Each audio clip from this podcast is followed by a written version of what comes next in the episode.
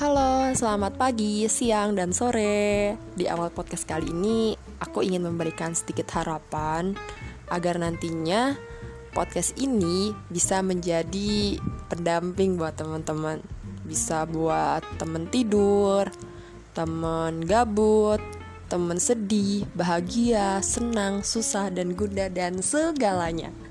Karena harapannya tema-tema yang akan dibahas di sini pun bervariasi.